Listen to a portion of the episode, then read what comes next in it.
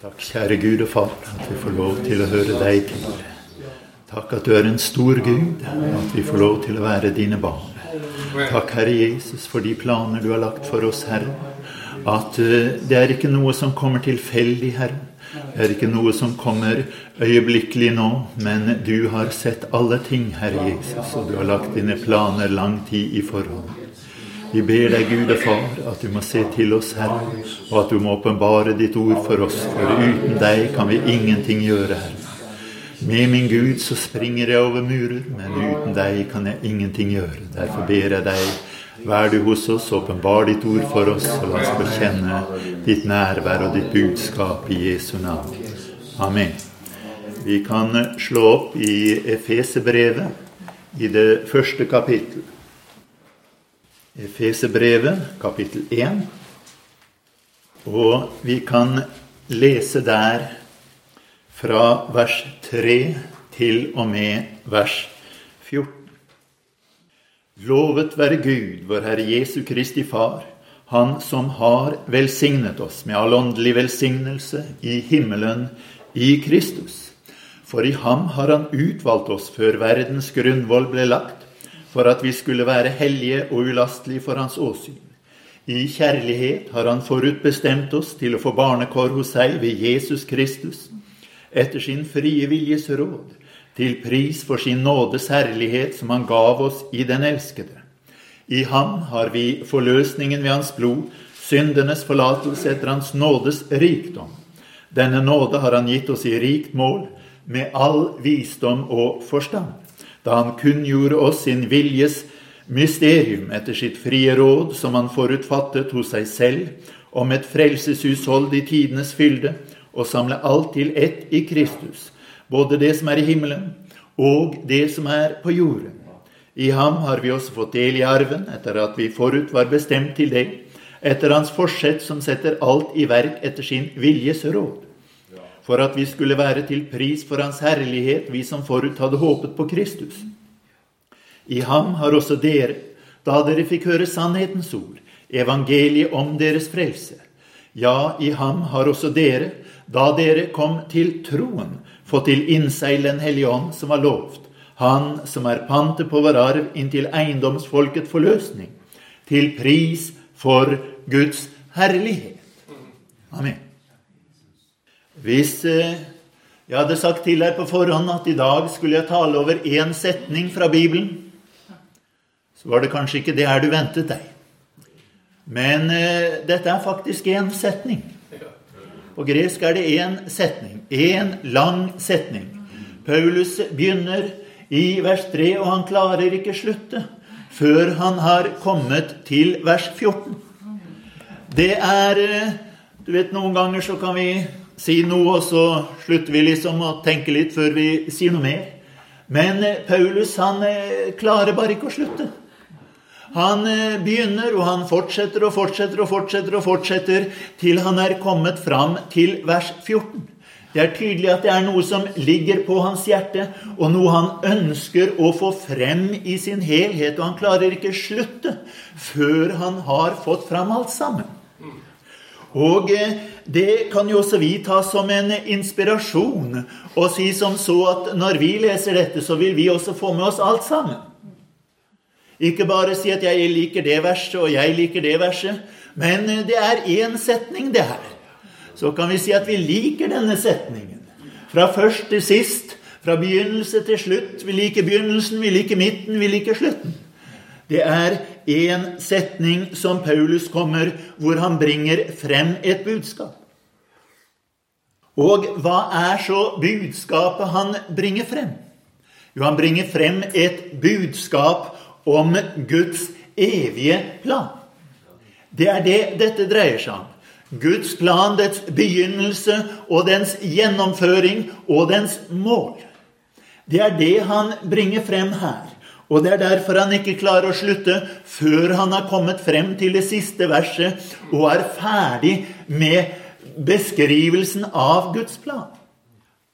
For eh, hvis han hadde kappet av i litt korte setninger, så kanskje han tenkte da da hadde folk fått med seg en del av planen, men ikke fått med seg at det er en helhet. Men det er en helhet. Og Paulus han bringer her frem denne helheten. Og jeg hadde lyst til å se litt på denne planen og hvordan den er beskrevet. Og hva denne dreier seg om. Vi skal ikke tale om hvert eneste vers eller se på hvert eneste ord som er her. Vi har forkynt noen hver fra dette avsnittet, men jeg tenkte å se litt på denne helheten. Og han begynner jo der med dette 'Lovet være Gud, vår Herre Jesu Kristi Far', Han som har velsignet oss med all åndelig velsignelse i himmelen i Kristus. Og eh, han sier 'lovet være Gud', eller eh, egentlig så står det der 'velsignet være Gud'. Vi sier jo ikke det på norsk, så derfor har de sagt 'lovet'. Men eh, det er ikke at vi skal velsigne Gud, om du så vil, men å erklære at Gud, han er en velsignet Gud. Gud er en velsignet Gud. Og hvorfor er han for oss en velsignet Gud? Jo, det er på grunn av de velsignelsene han har gitt oss. Det er det som vi takker ham for. Og for jødene så var dette helt vanlig. Et slags 'velsignet være Gud som har'. Deres bordbønner vil være noe slik som 'velsignet være Gud som har gitt oss mat'. Velsignet være Gud som har gitt oss drikke. Velsignet være Gud som har hjulpet oss. En velsignelse som man erklærer Gud å ha, og som vi ser og opplever på grunn av den velsignelse Han har gitt oss.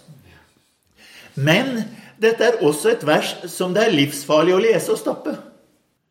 For da risikerer du å si som så at ja, han har velsignet oss med all åndelig velsignelse i himmelen i Kristus, og nå skal jeg ta og pønske ut hva de velsignelsene er. Og så driver vi og pønsker ut hva slags velsignelse det er som Gud har velsignet oss med. Men dette er jo bare begynnelsen på setningen. Han forteller oss hva velsignelsen er. For han fortsetter der han sier han har velsignet oss med all åndelig velsignelse i himmelen i Kristus, for i ham, altså like som han i ham har utvalgt oss før verdens grunnvoll ble lagt. Han har forutbestemt oss til å få sønnekår hos seg. Alt dette vi har fått del i forløsningen. Vi er beseglet med Ånden. Det er det som er disse velsignelsene som Han har velsignet oss med i Kristus. Så vi må få med oss hele setningen. Ikke stopp etter det første verset og si som så at nå skal jeg bestemme hva disse velsignelsene er. Men vi må fortsette, for der ser vi hva disse velsignelsene er. Og Paulus han begynner på en måte dette med å ta det som er nærmest til dem. Han sier han har velsignet oss. Han har velsignet oss med all åndelig velsignelse i himmelen i Kristus. Men denne velsignelsen, det er Guds store plan. Så når jeg skal si litt om Guds store plan her i formiddag, så er det ikke for å holde et foredrag i teologi om noe som de spesielt interesserte kan finne interessant. Det er for å beskrive det som er den velsignelse som vi har fått del i. Guds plan er en velsignelse for oss. De som ikke ønsker å lære seg hva Guds ord sier, de går glipp av selve velsignelsen som Gud har gitt oss. De får ikke sett hva velsignelsen består i. Men jo mer vi oppdager av Guds veldige og evige plan, jo mer får vi del i denne velsignelsen. Og hvis du føler at du ikke er så velsignet, så er det kanskje derfor. At du prøver å se på en slags privat velsignelse som Gud skulle gitt deg. Ja, jeg er ikke så velsignet. Ikke har jeg så mye klær, ikke har jeg så mye mat, ikke har jeg så mye penger, og ikke har jeg fått så mye utdannelse, ikke har jeg så god jobb. Og, og det, det, er liksom ikke noen velsignelse. Men hvis man løfter blikket opp og ser inn i Guds evige plan, så begynner man å se velsignelsen. Så begynner man å kjenne velsignelsen. Så begynner man å glede seg over velsignelsen. Og dette er den velsignelse som Gud har kommet med. Og denne planen, den har et mål. Og vi kan jo ta målet først. For han sier i vers 9 da han kunngjorde oss sin viljes mysterium etter sitt frie råd, som han forutfattet hos seg selv om et frelseshushold i tidenes fylde, og samle alt til ett i Kristus, både det som er i himmelen, og det som er på jorden. Dette er målet for Guds plan. Å samle alt til ett. Gud ønsker at det skulle være en enhet og en helhet i himmelen. Senere i Efeserbrevet så taler Paulus om at vi er Guds husfolk. Og husfolk det er jo de som hører til i huset. Det er de som er med i familien. Det er de som er sammen. Og Guds plan, det er ikke først og fremst en sånn enkeltpersonsplan. Men det er en plan for hans folk. Det er ikke en plan hvor jeg er i sentrum, men det er en plan hvor Gud er i sentrum, og hvor Guds herlighet er i sentrum, og hvor et folk er i sentrum som opplever Guds herlighet, og får del i Guds herlighet, og gjenspeiler Guds herlighet. Det er det som er målet med hans plan. Så hvis du i dag tenker som så at 'nei, jeg orker ikke gå på møter', 'jeg er ikke med i menigheten', 'jeg vil heller sitte alene for meg selv', så blir det jo veldig kjedelig å komme til evigheten, hvor Guds plan det dreier seg om hans folk. At han skal samle oss til ett i ham. Da kan jeg ikke sitte og være sur og bitter og misfornøyd på alt og alle. Jeg er i grunnen bare sammen med meg selv, for jeg er den eneste jeg synes det er akseptabelt å være sammen med. Det, den går liksom ikke helt greit. Altså, Hvis du tenker sånn, så er nok den tanken gjensidig. At de andre tenker også jeg er veldig glad for at han holder seg for seg selv. For han er umulig å være sammen med. Men eh, Gud ønsker å samle alt til ett. Derfor så ser du det litt interessante at i vers 2 Når han først hilser dem, så sier han 'Nåde være med dere og fred fra Gud, vår Far'. Men i vers 3 så er det 'lovet være Gud, vår Herre Jesu Kristi Far'. Eller ordrett så står det nok heller her 'lovet være vår Herre Jesu Kristi Gud og Far'. Så han går fra å være vår far i vers 2 til å være Jesu Kristi far i vers 3. Og hvorfor kommer den endringen? Jo, den endringen kommer fordi Guds plan dreier seg om Kristus. Det dreier seg om Kristus slik han var da han var her nede på jorden. Og det dreier seg om Kristus slik han er i dag. Kristi legeme, som er hans menighet. Fylt av ham som fyller alt i alle. Dette er Guds plan. Så når han går over fra å gi dem en personlig velsignelse, nåde være med dere og fred, og til å beskrive Guds veldige, evige plan, så forflytter han seg fra å tale om Gud som er vår far, til å tale om ham som Jesu Kristi far. Fordi det er Jesus Kristus som er selve sentrum for Guds veldige, evige plan. Du vet, dette avsnittet det er ofte beskrevet som en trinitarisk avsnitt, som starter med Faderen, og så har du Sønnen i vers 7, og så får du Ånden i vers 13. Og det står jo om Faderen, og det står om Sønnen, og det står om Ånden. Det er det jo ingen tvil om.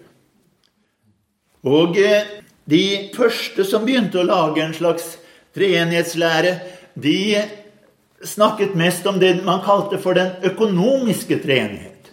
Og det de mente med det, var rett og slett at det var ting Gud gjorde som Fader, ting Gud gjorde som Sønn, og ting Gud gjorde som Hellig Ånd. Og det er jo ikke så altfor galt. Så gikk man over til hva som kalles den ontologiske treenighetslæren. Hvor det plutselig ble en forskjell i selve definisjonen av hvem disse er. Hvor det blir forskjellige personer med forskjellig personlighet. Og da er man på ville veier nokså fort. Men her er det Jeg hadde litt lyst til å se litt på dette, for det står en god del om aktivitet her. Og hvis vi ser på hvem er det som utfører aktiviteten, så er alt utført av Faderen. fram til vi kom til det siste, hvor det står at uh, vi har fått til innseil Den hellige ånd, osv. Men ellers så er det Faderen som er den som gjør alt sammen. Du har i vers 3 Han har velsignet oss. Hvem har velsignet oss? Det er vår Herre Jesu Kristi Gud og Far. I vers 4 så har Han utvalgt oss. I vers 5 så har Han forutbestemt oss. I vers 6 så gav Han oss. Og eh, i vers 6 så har Han også elsket den elskede. Du vet, dette er min sønn, den elskede. Som han taler om. Faderen elsker sønnen.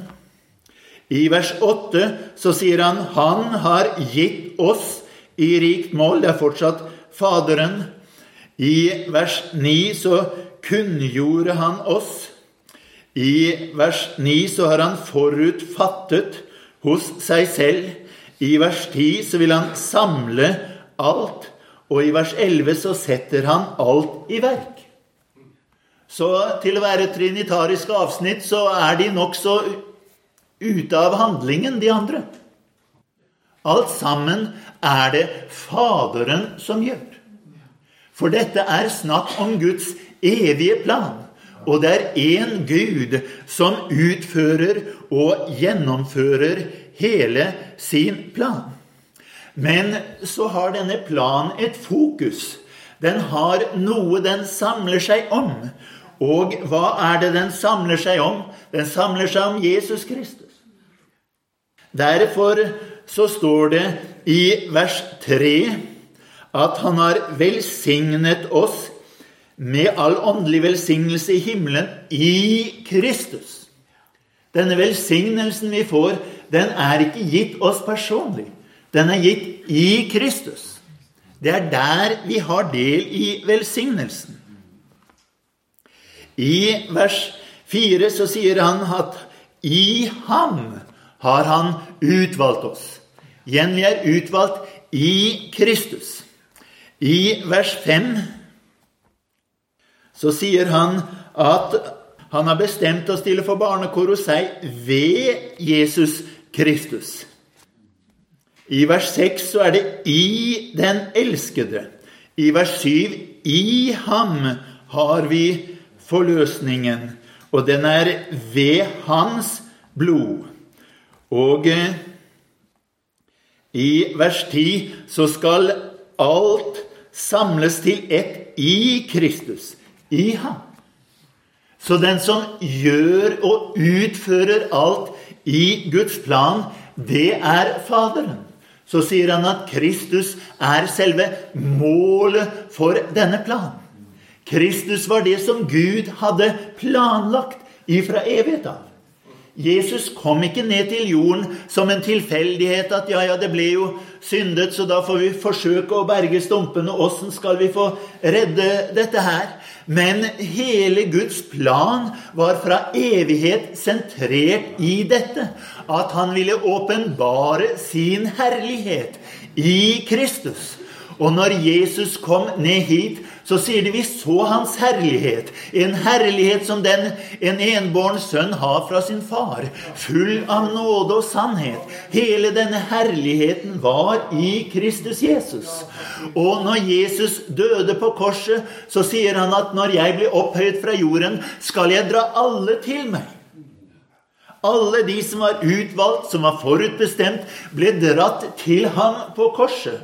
Derfor døde vi med ham. Vi kan begraves med ham. Vi blir oppreist med ham. Og vi er nå i ham.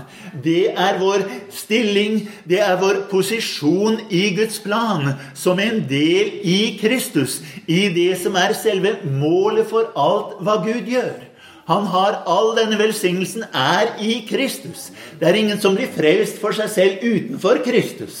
Det er ingen som blir velsignet for seg selv utenfor Kristus. Det er ingen som får oppleve et frelsende møte med Gud utenfor Kristus. Men det er i ham at alt dette blir tilregnet. Alt som Gud har planlagt, har et sted hvor det skjer, og det er i ham. I ham. Hvis du er utenfor, så er det ikke noe. Det er vann i dette glasset, for det fylte vannet i glasset. Og det er ikke vann utenom, fordi jeg traff. Men når Gud øste ut sin velsignelse, så øste han den ut i Kristus. Og alle som er i Kristus, har del i denne velsignelsen. Men hvis man insisterer på at man skal være et annet sted utenom, så blir svaret at der er ikke velsignelsen. For han har satt velsignelsen et sted, og det er i Kristus. Den åndelige velsignelse som han har velsignet oss med, har han velsignet oss med i Kristus. Og den består av Guds evige plan. Alt det Gud har gjort fra evighet av det er skjedd i Kristus. Så kan du si hva Vi så på bare kort hva Gud har gjort. Men så er jo spørsmålet hvorfor Gud gjorde det. Hva er grunnen til det? Hva er det som fører til at det skjer? Og eh, du har jo iblant to grunner det ene er det som får det til å skje, og det andre er det du ønsker å oppnå ved det som skjer. Du gjør noe av en grunn og med en hensikt. Og eh, hvis vi skal se Vi kan jo først gå igjennom og se hva som er gitt som hans grunn for å gjøre det. Og der kan vi se i vers 5, hvor han sier han har forutbestemt oss til å få barnekår hos seg ved Jesus Kristus etter sin frie viljes råd. Sin frie viljes råd. Det er sånn sett ikke en hel presis oversettelse. Det det litt mer presist står, er 'ifølge hans viljes velbehag'. Og jeg liker den oversettelsen bedre. Han gjorde det fordi han hadde inderlig lyst til å gjøre det. Det er derfor han gjorde det. Og det samme står det i vers 9, da han kunngjorde sin viljes mysterium etter sitt frie råd. Og igjen så sier han 'etter ifølge hans eget velbehag', som var i ham. Hans eget velbehag. Og eh, du vet, det er det som det står om eh, at Jesus sier i Lukas det tiende kapittel og vers 21 Du vet, det er jo der hvor han sier 'Gled dere over at navnet deres er innskrevet i himmelen'. Og så sier han i samme stund frydet han seg i Den hellige ånd og sa, 'Jeg priser deg, Far, himmelens og jordens Herre, fordi du har skjult dette for vise og forstandige, åpenbart det for umyndige. Ja, far, for slik skjedde det som var til velbehag for deg. Til velbehag for deg. Og her er det brukt nøyaktig det samme ordet som er brukt til å beskrive hans vilje der vi leste i Efesebrevet. Det er det som er hans velbehagelige vilje. Det som han har behag i. Og vi ser her i Lukas, det han beskriver her, det er også hans utvelgelse. For han sier 'gleder over at navnet deres er innskrevet i himmelen', og han frydet seg i Den hellige ånd og sa, 'Jeg priser deg, Far, himmelens og jordens Herre', fordi du har skjult dette for vise og forstandige og åpenbart det for umyndige. For slik skjedde det som er til velbehag for deg.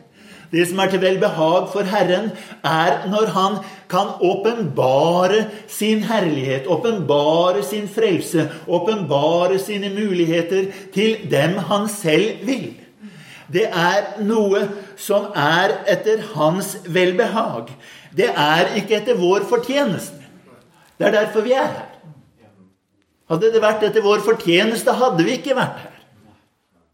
Så hvis du tenker som så at ja, men jeg vil bestemme selv om jeg skal bli frelst, så får du ha det bra.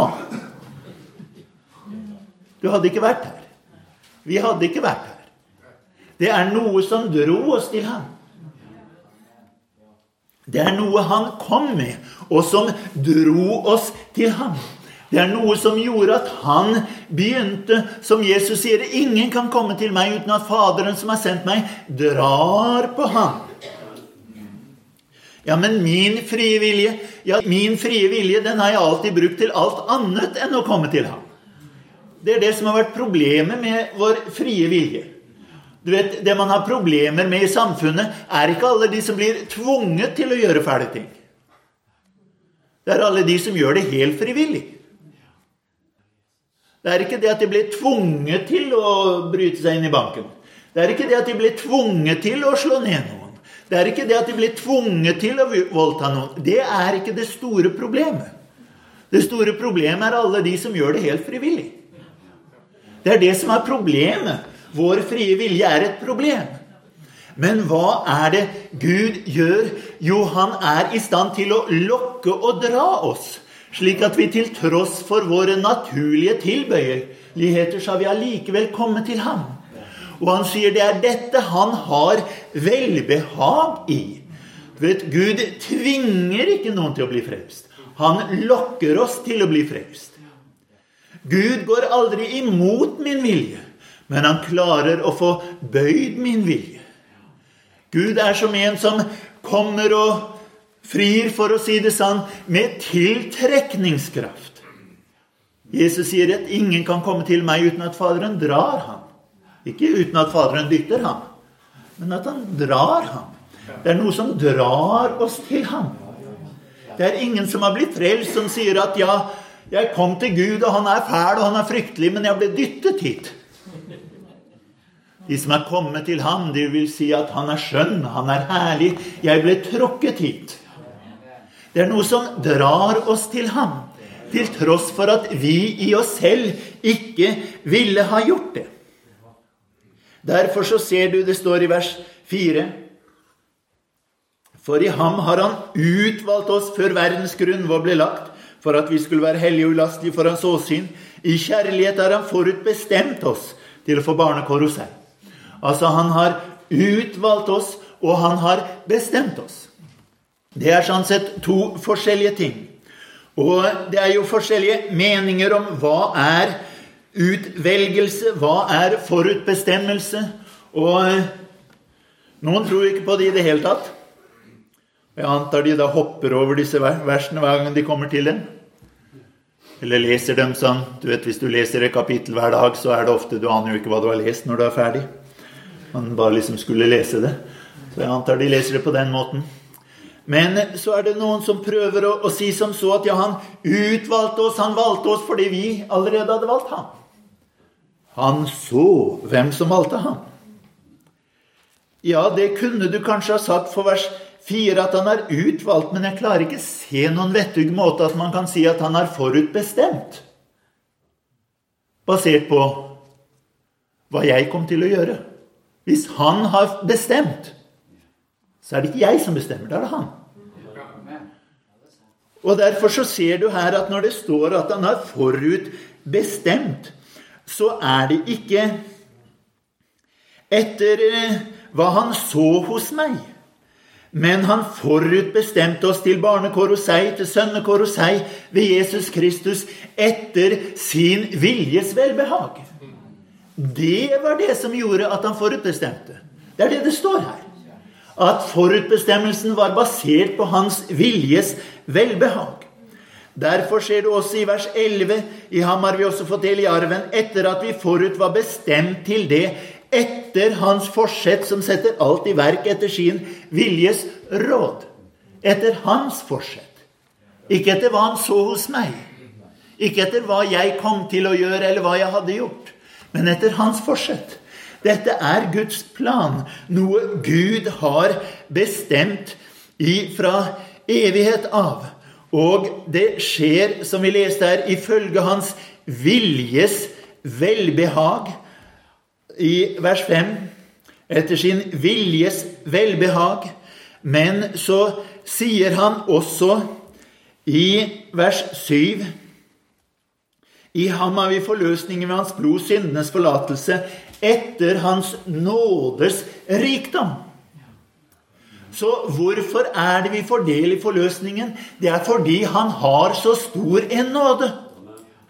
Hvis Jesus ikke hadde hatt en stor nåde å gi oss, så kunne han ikke gitt noen forløsning. Men han sier etter sin nådes rikdom, etter denne overfloden av nåde han har. Og du vet, det er det det står, at han ga oss nåde over nåde. Eller om du vil, nåde i stedet for nåde. Gud erstatter nåden med mer nåde.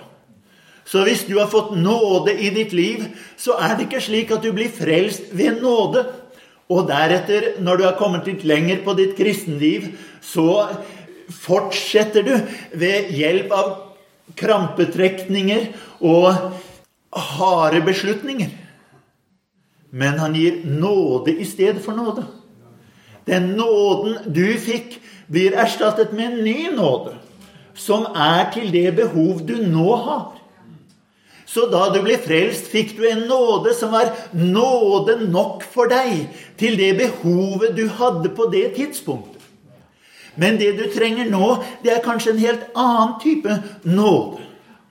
Da, vet du, da var du ugift og enslig, og du trengte en viss type nåde. Nå er du gift og er unger, og nå er det en helt annen type nåde du føler behov for. Men det er nåde nok. Det er noe som dekker våre behov. Og det han gjør, er etter sin nådes rikdom. Dette er hele tiden grunnlagt i Gud. Han gjør det etter sin viljes velbehag, og han gjør det etter sin nådes rikdom. Og han eh, gjør det, sto det, leste vi i vers 11, etter hans forsett som setter alt i verk etter sin viljes råd.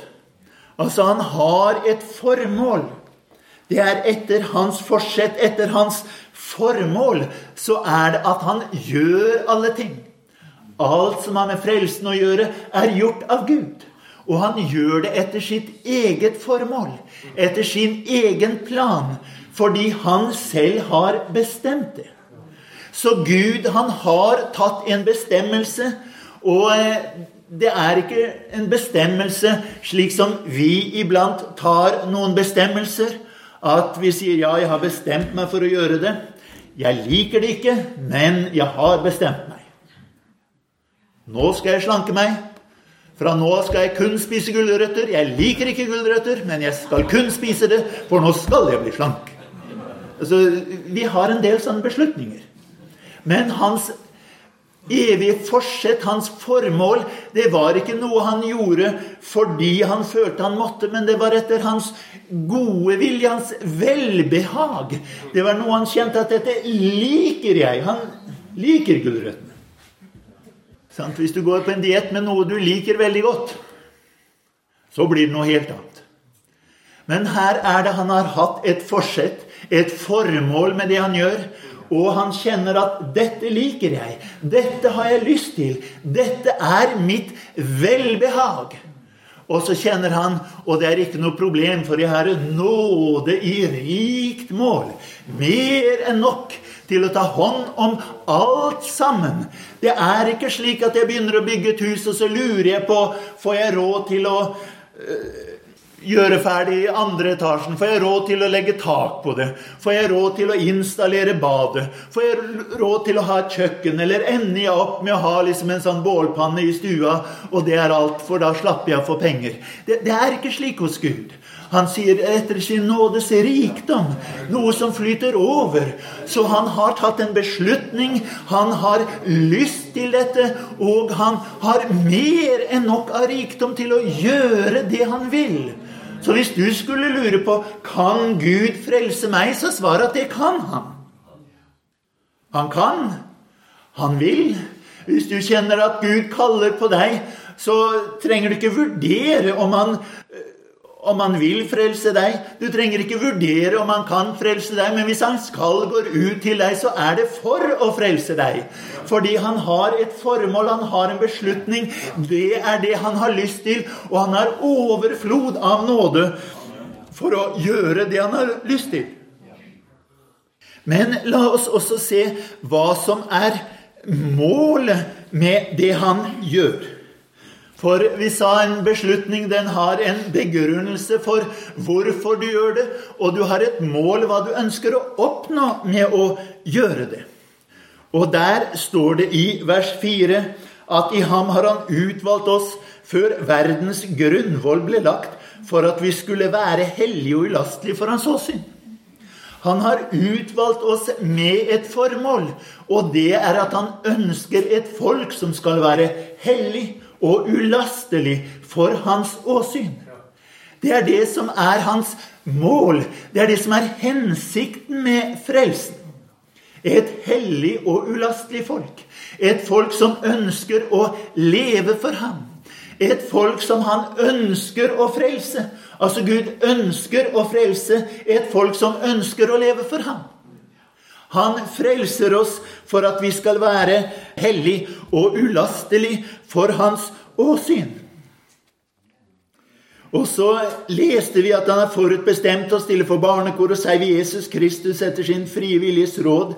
Så sier han til pris for sin nådes herlighet, som han gav oss i den elskede. Til pris for sin nådes herlighet. Du vet vi har fått syndenes forlatelse etter hans nådes rikdom. Men han gir oss det til pris for sin nådes herlighet. Du vet, Det finnes enkelte rikinger som liker å vise frem hvor rik de er. Altså, du har jo enkelte. ikke sant? Du har en Ton som går rundt med den samme gamle topplua. og Du har en, han Ikea-mannen i Sverige som kjørte i sin gamle Volvo. Men så er det noen de, de liker å vise sin rikdom. Og Gud, han liker å vise sin rikdom. Så hvis han har brukt veldig mye nåde på å frelse deg, så har han lyst til å vise frem og si at se her. Se hva jeg har kjøpt meg. Han her, han var dyr. Hvis du ser her, den første som henger her du vet, Gud har sitt galleri som han viser frem. Han tar ikke bare og setter deg inn i hvelvet. Han tar og henger deg opp til utstilling på veggen. Og så sier han, han her, det var en bankraner. Men min nåde var nok til at jeg fikk kjøpt ham. Han var dyr. Men eh, når de sa første gang, andre gang, tredje gang, så var det min nåde som var nok. Den feiet alle andre bud til side. Jeg vant over, så denne bankraneren her, han har jeg kjøpt ved min nåde.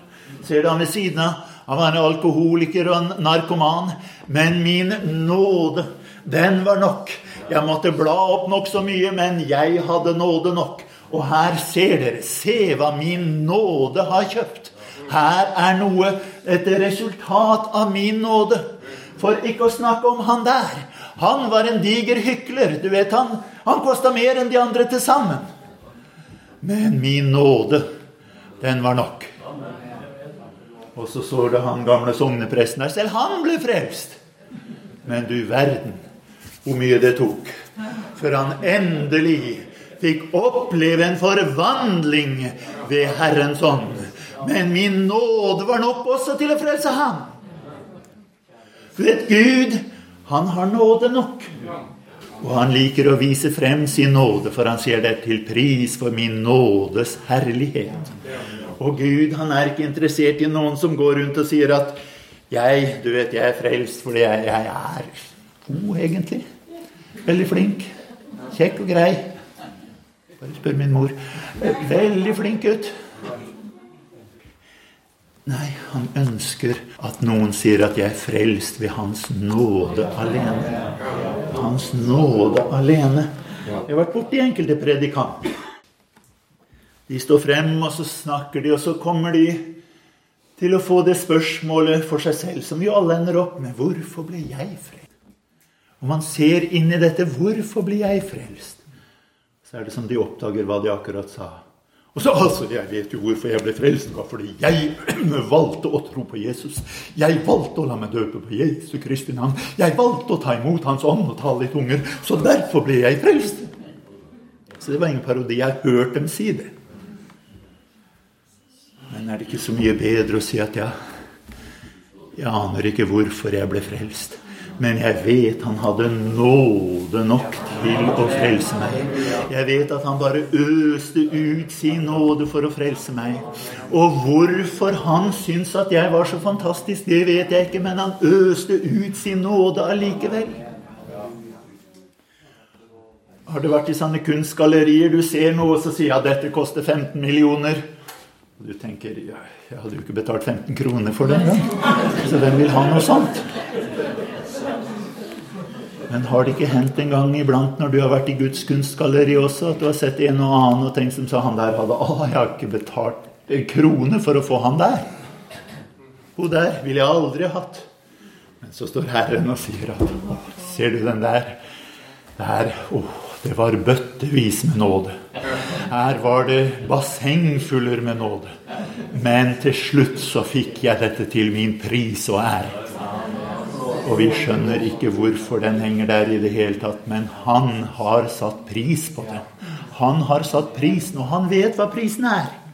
Det er ingen som kommer til Gud og sier at 'Nei, Gud, nå ble du virkelig lurt'. Det der er en forfalskning. Herren, han vet nøyaktig hva han betalte for. Så Hvis du peker og sier at det var en ren kjeltring Gud, så sier han amen. Det var han. Men nå er han frelst. Nå er Hans nåde utøst. Nå er det overflod. Jeg har betalt, se her, til pris for min nådes herlighet. Og det gjentar han i vers 11. Så sier han ja, at har, vi har fått del i arven, vi har bestemt til det også i vers 12, for at vi skulle være til pris for Hans herlighet, vi som forut hadde håpet på Kristus. Og i vers 14.: Han som er pantet på vår arv til eiendomsfolkets forløsning, til pris for Guds herlighet. Så her ser vi at Gud, han har gjort alt. Alt som har med frelsen å gjøre, det er gjort av Gud. Alt som har med frelsen å gjøre, det er gjort i Jesus Kristus. Og der er det utøst en overflod av velsignelse av en slik art at vi har ikke evne til å telle det opp. Hvis du skulle satt deg ned og telle opp det du har i lommeboka, hadde du nok klart det. Men skulle du satt deg ned og begynt å telle opp statsbudsjettet, så hadde du fått litt problemer. Som det gikk litt slapp opp for fingre etter, etter hvert. Men hvis vi skal begynne å telle opp Guds nåde, så har vi verken fingre eller tær eller noe mer å komme med. Det er en overflod av alt sammen. Og han sier at 'jeg har gjort det fordi jeg hadde bestemt meg for det'. Fordi jeg hadde lyst til det. Fordi jeg har en overflod av nåde å øse ut. Og jeg gjør det for å vise frem min nådes herlighet i et folk som vil være hellig og ulastelig for mitt åsyn. Så kan du si at hva, hva er tidsperspektivet på denne Guds plan? Jo, den eh, finner sted, om du vil, i tre forskjellige epoker. Det ene er det som står i vers 4, for i ham har han utvalgt oss før verdens grunnvoll ble lagt. Før verdens grunnvoll ble lagt. Og så er det en del som sier da, vet du, at ja, dere mener jo at man trenger ikke forkynne for noen, du trenger ikke evangelisere for noen, for Gud har utvalgt alle, så det er ikke noe vits i å gjøre noe som helst. Det har aldri jeg hørt noen si at ja, dere tror ikke at Jesus trengte å dø, for hvis alle var utvalgt, så trengte jo ikke Jesus dø. Men altså, ingen er så dum at de ville sagt noe sånt. Men det er jo like logisk. Men hva sier han her? Jo, han har utvalgt oss før verdens grunnvoll ble lagt. Men så sier han at han forutbestemte oss til barnekår. Dette var til pris for sin nådes herlighet. Dette ga han oss i den elskede. Og så sier han i vers 7.: I ham har vi forløsningen ved hans blod. Når skjedde det? Det skjedde på Golgata. Der var det at blodet rant. Det var der blodet kom, og det var da blodet ble båret inn i den himmelske helligdommen for å vise frem der den evige forløsning som er blitt vunnet ved dette blodet. Så det var en del av Guds plan. Ja, men hvorfor måtte Jesus dø hvis Gud allerede hadde utvalgt? Jo, han gjorde det fordi dette er en del av Guds plan. Du må lese hele setningen. Hele setningen I ham har vi forløsningen, for dette var Guds bestemmelse. Han utvalgte oss før verdens grunnvoll ble lagt. Men han har gitt oss del i forløsningen. Han kjøpte oss fri. Vet du hva dette ordet 'forløsning' betyr? I våre dager bruker vi det ofte om fødsler. Det, det har ingenting med det å gjøre. Dette er et gammelt ord som betyr å bli kjøpt fri som slave. At du var slave, og så kom noen og kjøpte deg fri. Vi driver ikke med sånt lenger, men på den tiden holdt de på med det. Så han sier vi er blitt kjøpt fri ved hans blod. Så den planen som ble bestemt fra evighet av, han sier den ble betalt på Golgata. Den ble betalt på Golgata. Det var fase to av Guds evige plan. Men det kommer også en fase tre ved denne planen. Og det er den som står i vers 13, at vi har fått til innseil Den hellige ånd som var lovt. Dette er noe som skjer personlig. Dette er noe man opplever én for én. At Den hellige ånd beseiler de som hører ham til. Og når skjer denne beseilingen? Jo, han sier i vers 13.: I ham har også dere, da dere fikk høre sannhetens ord, evangeliet om deres frelse I ham har også dere, da dere kom til troen, fått til innseil Den hellige ånd, som var lovt. Så her ser vi fylden av Guds plan fra evighet til evighet. Den består av at Gud har gjort alt som vi trenger, alt som skal til for å frelse oss. Han har etter sitt forsett, etter sin gode vilje og med sin uendelige nåde utvalgt oss før verdens grunnvoll ble lagt. Og denne nåden, den har han vist i Jesu Kristus, da Jesu Kristi blod rant på Golgata som en betaling for din og min synd, hvor jeg ble fri ham fordi han ble gjort skyldig for min del. Der er det at skylden ble betalt. Og så tar Gud og setter seilet på sin plan for de som hører og tar imot Hans ord da dere fikk høre sannhetens ord, evangeliet om deres frelse, da dere kom til troen. Det er noe han kaller sannhetens ord, evangeliet om deres frelse. Det er noe som både forteller en sannhet og bringer et godt budskap. Og det er noe som er koblet sammen med en tro som blir skapt ved dette ordet. Og han sier når disse to kommer sammen, da er det at denne beseilingen finner sted. Og dette, dette, er det eneste sted, om du vil, hvor du og jeg kan få lov til å komme med i Guds plan. For hvis de fikk høre sannhetens ord, evangeliet om deres frelse, så var det fordi noen forkynte sannhetens ord, evangeliet om frelsen. Det var fordi noen mennesker var så grepet av denne Guds evige plan at de sier 'Jeg vil forkynne den. Jeg vil bringe den ut. Jeg vil fortelle om den til de jeg møter'. Det var fordi det kom en Paulus som kjente at etter at han møtte Jesus på vei til Damaskus, så ble han han så grepet at han kjente jeg kan ikke bli sittende her. Jeg kan ikke bare gå og være med et eller annet sted. Jeg må ut. Jeg må ut og forkynne. Han forkynte overalt hvor han kom, og dro videre og videre og videre.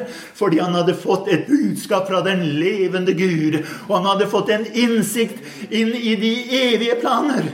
Paulus var jo den som skrev dette. Han var den som skrev om å være utvalgt. Han var den som skrev om å være forutbestemt før verdens grunn var belagt. Han skrev om det, han trodde på det, og han reiste mer enn noen annen. Han forkynte mer enn noen annen. Han brakte ut budskapet mer enn noen annen. Fordi han tenkte jeg vil være en del av denne planen. Jeg vil være en del av denne planen. Er det ikke herlig å få være en del av Guds plan? Ja. Amen. Ja, sier du, vil ikke Gud føre frem sin plan?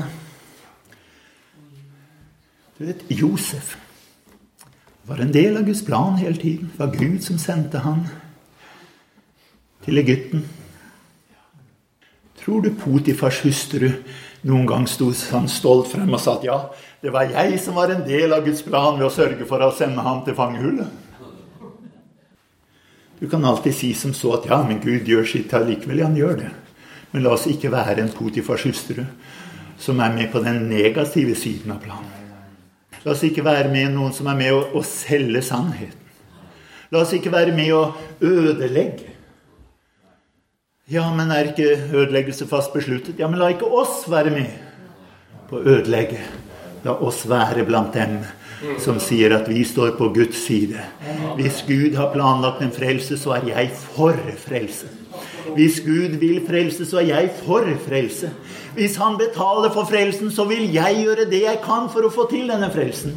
Hvis Han sier at jeg vil ha den der og henge på min vegg til ære og pris for min nådes herlighet, så ønsker jeg å springe hvor den er, for å bringe tilbake dette, så han kan henge det opp på sin vegg.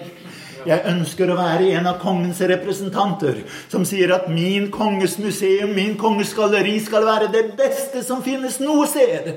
Og jeg ønsker å dra ut og se om jeg kan finne noen av de som ennå ikke er hengt opp på veggen.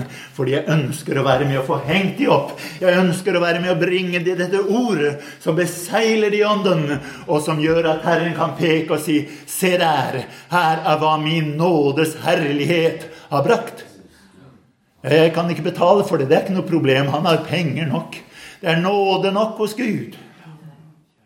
Livets brød kan mette, selv om fra din ringe hånd. For bak vår hånd så ligger det nåde over nåde. Bak vår ringe hånd så ligger det nådes herlighet. Så kan du oppleve å bringe et ufullkomment lite vitnesbyrd. Og så kommer Herren og bringer sin enorme nåde etterpå. Du vet, du sier at ja, ja, kan jeg få kjøpt de greiene der? Det var ikke så veldig. Men hvis han som står bak deg, har penger nok, så får du nok kjøpt det allikevel. Om du forsøker å vitne for noen og sier at det var ikke så fullkomment mitt vitnesbyrd Hvis han som står bak oss, har nåde nok, så er det nok håp allikevel. Kjære Gud og Far. Herre Jesus, jeg ber deg om at vi må få se din herlighet, Herre. At vi må få se din storhet, Herre Jesus. Så vi får et inderlig ønske om å komme inn i ditt nærvær, Herre. Og få se deg så stor som du er, Herre. Og få se og skue din plan, Herre og få være en del av gjennomføringen av din plan. Å, takk, kjære Gud og Far, at alt er gjort klart av deg, Herre. Fra evighet av så har du bestemt, Herre. Du har forsett, du har godvilje, og du har nåde nok, Herre Jesus. Å, kjære Gud og Far, i Jesu blod som rant på Golgata, er det betaling for de største synder og de verste urettferdigheter, Herre Jesus. Alt er betalt ved dette blod. Å, kjære Gure Far, jeg vil be deg, Herre, la oss bringe ordet om korset ut til en døende menneskehet, Herre. Slik at sjelen kan bli beseglet ved troen på ditt ord og gå inn i ditt herlighets nådegalleri til pris for din nådes herlighet. Amen.